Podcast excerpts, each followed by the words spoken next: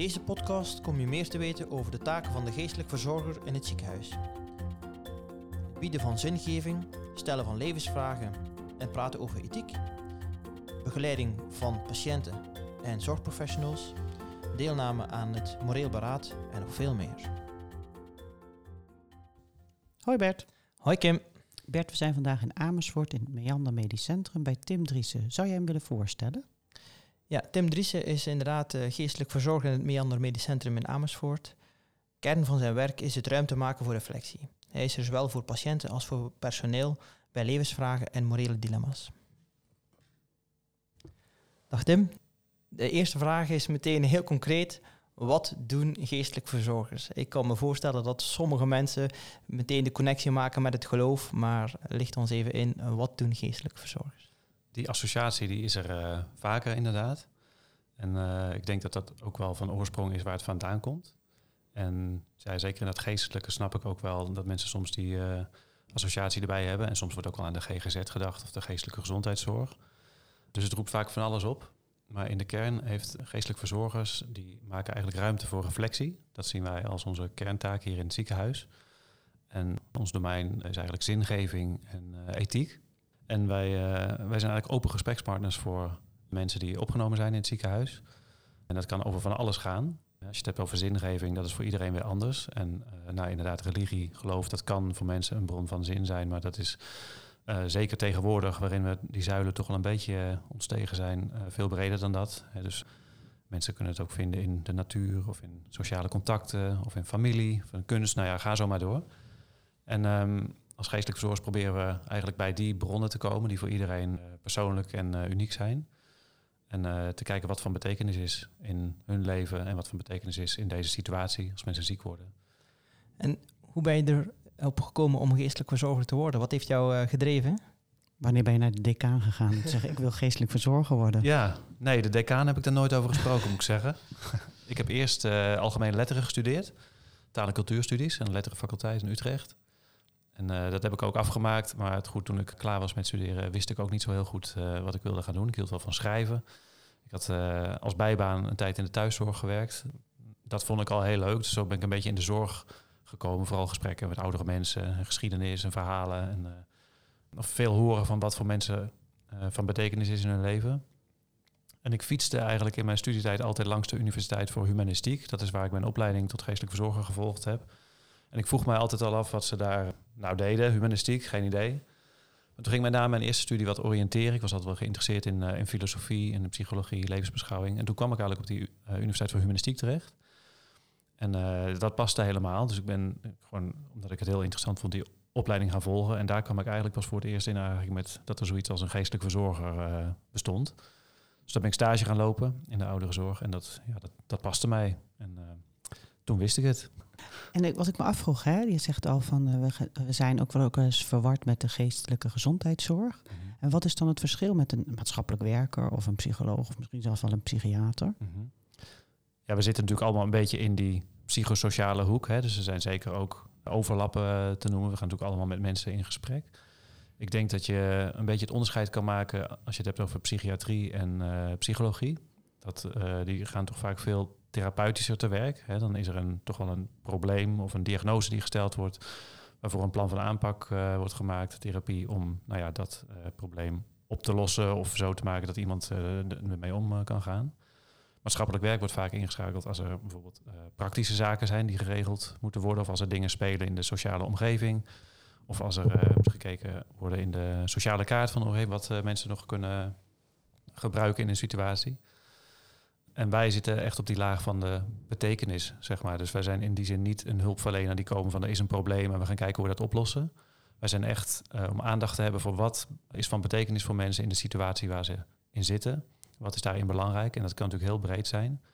En in die zin, als wij ook hier bij mensen in het ziekenhuis op de kamer komen, heb ik ook altijd het idee, wij komen niet per se binnen en dat er dan iets moet of zo. We vinden het heel belangrijk dat mensen het gevoel hebben dat ze hun eigen verhaal kunnen vertellen en wat op dat moment belangrijk is.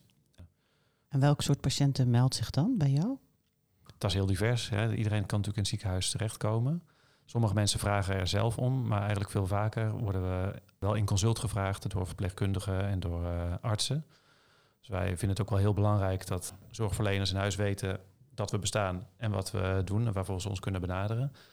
En ik moet zeggen dat dat heel goed samenwerkt. Dat zij kunnen signaleren, hè, worstelen mensen met dingen of eh, als zij inschatten dat het fijn is dat wij langskomen, dat zij ons, daar, uh, ons daarbij vragen. Dus meestal gaat het via die weg.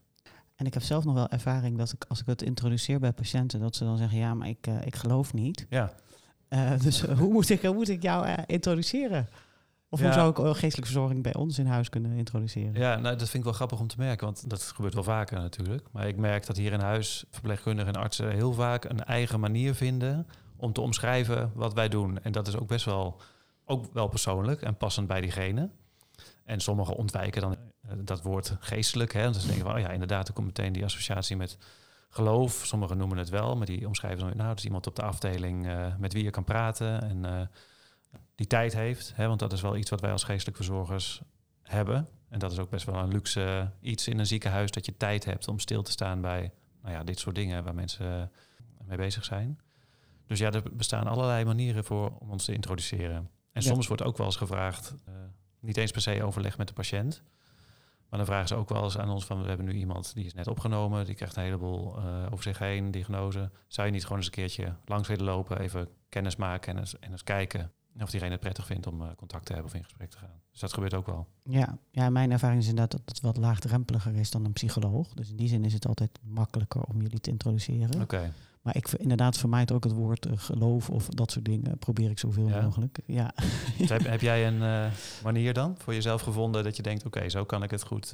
ja, ik zeg inderdaad meestal is iemand die met u kan praten en daar een ruimschoots tijd voor heeft. Oké, Zoiets ja. zeg ik ook altijd. ja, Ja. Ja, en meestal vinden mensen het heel fijn. En inderdaad roept het nog wel eens eh, de geloofsvraag op en zegt, nou ja, als dat speelt, kan, kan dat ook besproken worden. Want daar weet ik zeker niet, eh, Ja. niks van. Dus Ja. dan moet je echt bij iemand anders zijn. Ja, waar vroeger eigenlijk geestelijke verzorging ging het denk ik veel meer vanuit de levensbeschouwing van de geestelijk verzorger. Hè, die ging vanuit die hoek bij mensen langs. En ik denk dat het tegenwoordig andersom is. Dat we als, als geestelijk verzorger zijn we gesprekspartner, we zijn beschikbaar. En staat eigenlijk de levensbeschouwing of eh, de levenshouding van de patiënt centraal. En als dat een religie is of een geloof is, dan kan natuurlijk het gesprek daarover gaan. Maar het is niet de, de insteek van de geestelijk verzorger. Want is de insteek is, is zingeving, hè? Nou vind ik dat zelf altijd een beetje een lastig begrip. Zou je dat kunnen toelichten? Wat wordt daarmee bedoeld? Ja, zingeving, goede vraag. het zijn allemaal van die termen hè, waar je natuurlijk heel veel eh, uitleg aan kan geven. Maar voor mij gaat eh, zingeving eigenlijk over betekenis. Wat van betekenis is in het leven. Ehm, waar je eh houvast aan hebt, waar je steun uithaalt, troost uitput. En wat ja, op die manier zin geeft aan je bestaan. En zeker in tijden dat, dat, je, moeilijke, dat je moeilijke tijd doormaakt. En je terugvalt op dat soort houvast, hè, die soms, eh, wat soms niet zo goed te vinden is. Dan denk ik dat het ja, juist gesprekken over zingeving, wat doet er voor jou toe in het leven, wat is echt belangrijk, ja, dat dat dan echt belangrijk is. En bedoel je dan ook op zoek naar krachtbronnen voor mensen? Ja, ook. Ja. En mijn ervaring is ook wel als mensen in het ziekenhuis liggen, het ligt een beetje op de loer dat je in één keer voor 100% patiënt bent. Hè? Dat gaat het alleen maar over ziekte en over ziek zijn en over nou, hoe deal je ermee. En, eh, en natuurlijk moet het daar ook over gaan, want dat is nou ja, wat misschien wel op de voorgrond staat. Ik denk dat in ons werk ook heel belangrijk is om te kijken naar wat is in het normale leven. Wat zijn dan dingen die mensen doen of waar ze eh, plezier uithalen of goede energie uitputten? En hoe kan dat ook in deze situatie een rol spelen? Want als je ziek wordt, verandert het natuurlijk een hele hoop, maar je blijft ook ja, wie je bent. Dus ook die bronnen eh, en krachtbronnen die je hebt, die kunnen juist dan eh, belangrijk zijn om aan te boren. En die vergeten mensen, zijn mensen vaak uit het oog verloren. Dat kan, ja. Ik merk, ja, soms als je echt een diagnose krijgt, dan staat je leven eh, te schudden op zijn eh, grondvesten, hoor ik wel eens. En dan het wordt niet voor niets een rollercoaster genoemd. En dan is het ook niet vanzelfsprekend dat je meteen in contact bent met van, oké, wat voedt mij nou en waar vind ik houvast? Maar dat dat eerder een soort zoektocht is van, oh, wat, eh, wat overkomt me? En, en de waarom vragen van het leven. Waarom overkomt me dit? Hoe vind ik de kracht om hiermee om te gaan? Bij uitstek de vragen waar geen pasklare antwoorden voor zijn. Maar ja, goed, door erbij stil te staan, in gesprek te gaan, kun je toch uh, heel eind komen.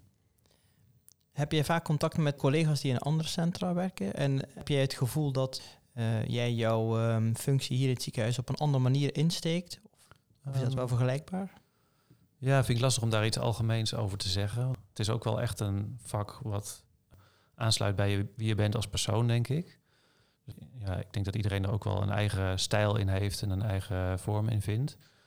Ik heb uiteraard ook wel uh, contact met collega's in andere ziekenhuizen. En ja, over het algemeen is het wel vergelijkbaar, zeg maar, het werk wat we doen. En zoals ik nu uitleg, hè, waar we ons mee bezighouden. Uh, soms is de vorm anders. Uh, ik ben bijvoorbeeld ook muzikant. En dat ben ik nu aan het, een beetje aan het ontdekken, ook als vorm in mijn werk. We zijn natuurlijk heel veel in gesprek met mensen. ik heb nu de, sinds een tijdje een project op de intensive care. Waar ik één keer in de twee weken neem ik een gitaar mee. Ik schrijf ook liedjes. En dan inventariseren de verpleegkundigen bij patiënten. Wie zou dat prettig vinden om een uh, muzikaal infuus aan bed uh, te krijgen, zo noemen we dat dan. En uh, dan maak ik muziek.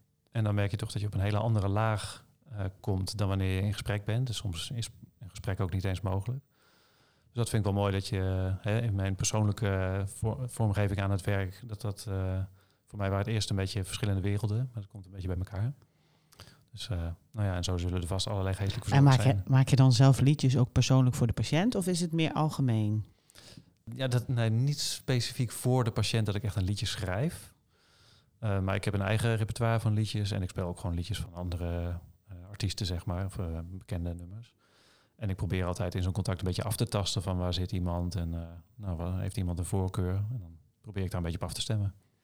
Ik heb het grappig is dat we in de podcast over, de, over het post-intensive care syndroom, een van de interventies was ook kunstzinnige therapie. Oh ik heb het gevoel dat dit precies is wat je net omschrijft. Hè. Uh, schilderen of muziek maken terwijl iemand eigenlijk opgenomen is, om uh, de terugkeer na de intensive care eigenlijk te vergemakkelijken. Ja, ja, nou dat is wel grappig, want een tijdje terug kwam de intensivist hier van de intensive care, die vertelde over de nazorgpolie die ze hebben.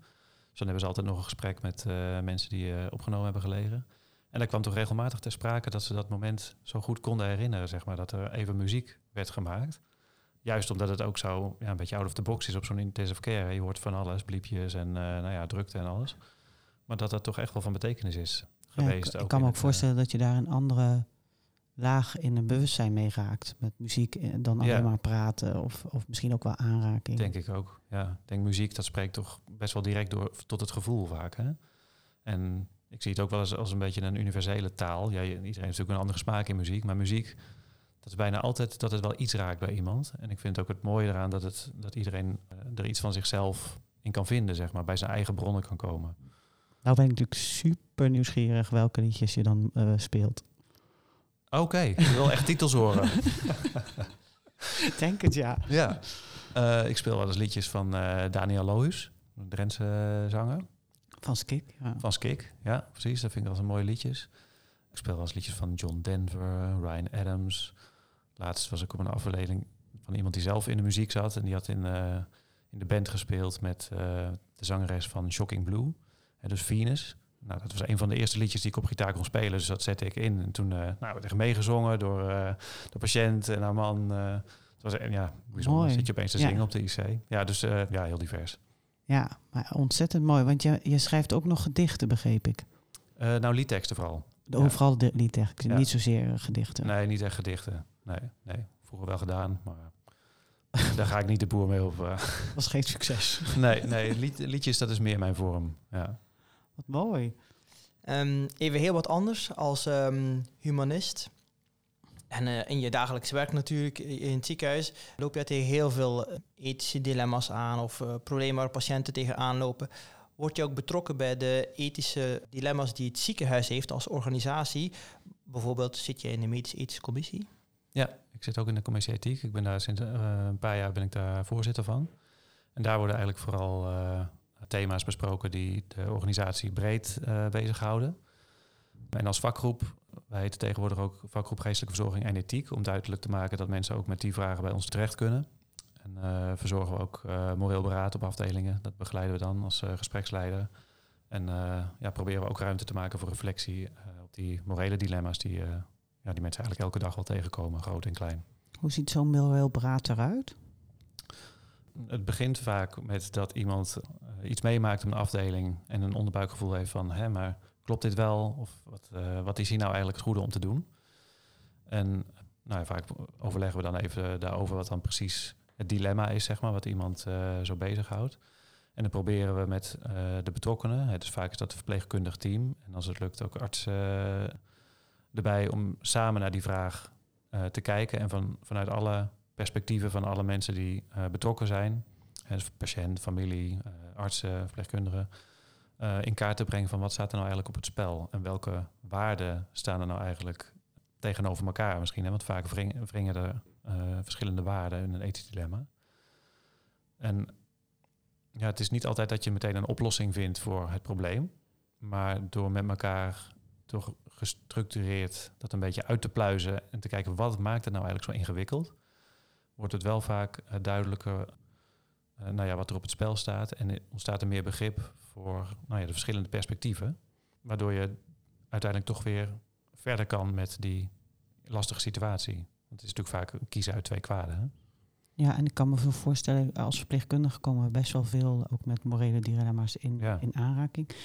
Is er in het ziekenhuis ook speciaal een, een spreekuur voor jullie, voor verpleegkundigen? Of hoe kunnen verpleegkundigen met uh, gebruik maken van de geestelijke verzorging? Die kunnen ons gewoon bellen.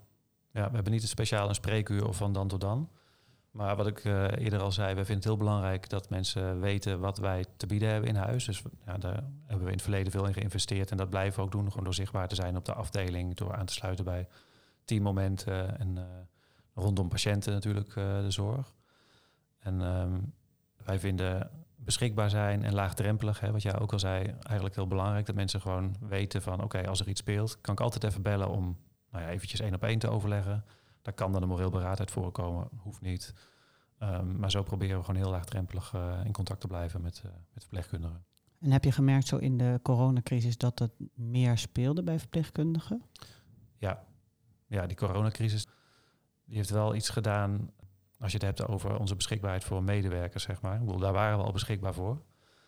Maar in de coronatijd werd het wel extra nadrukkelijk uh, duidelijk. En toen zijn we ook echt uh, zeker in die eerste golf en later ook wel gewoon iedere dag op zo'n evaluatiemoment midden op de dag uh, gewoon aangeschoven. Om nou ja, gewoon te horen wat er allemaal speelt, hoe het met iedereen gaat.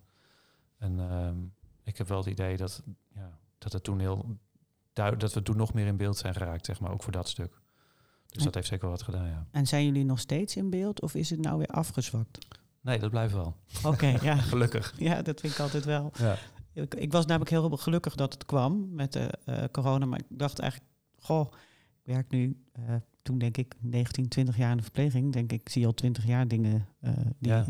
voor menig mens denk ik ja. best wel belastend zijn. En ik heb nog nooit iemand gehad om begeleiding okay. te geven. Nee.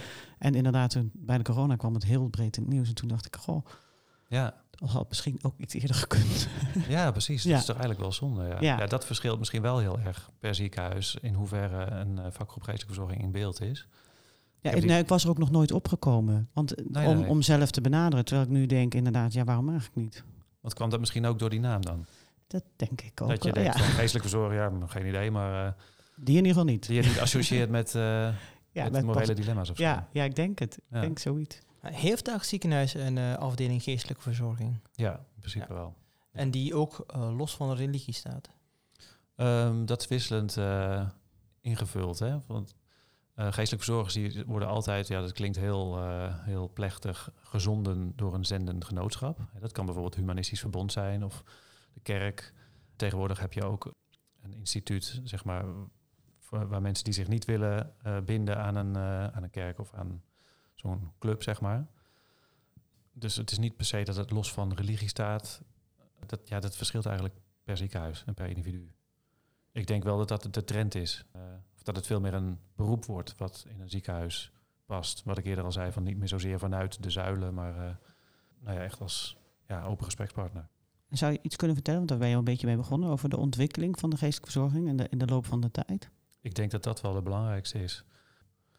Dat het niet meer vanuit de levensbeschouwingen of de religies uh, per se komt, maar dat het echt een plek in huis is waar mensen vrij kunnen praten, waar ruimte is, tijd is voor wat mensen zelf bezighoudt.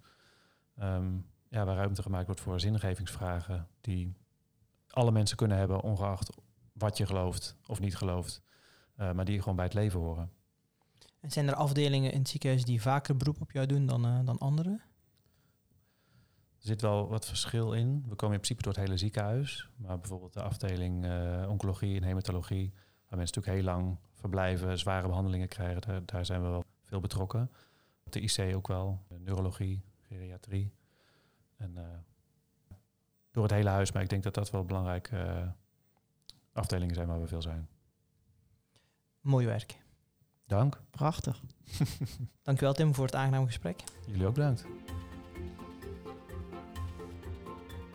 Dank voor het luisteren naar onze podcast. Vond je deze podcast interessant? Luister dan ook de andere afleveringen en raad hem aan bij je collega's. Heb je zelf een goed idee voor een onderwerp? Of wil je dat we een keer bij jou langskomen? Neem dan contact op via de website www.servier.nl.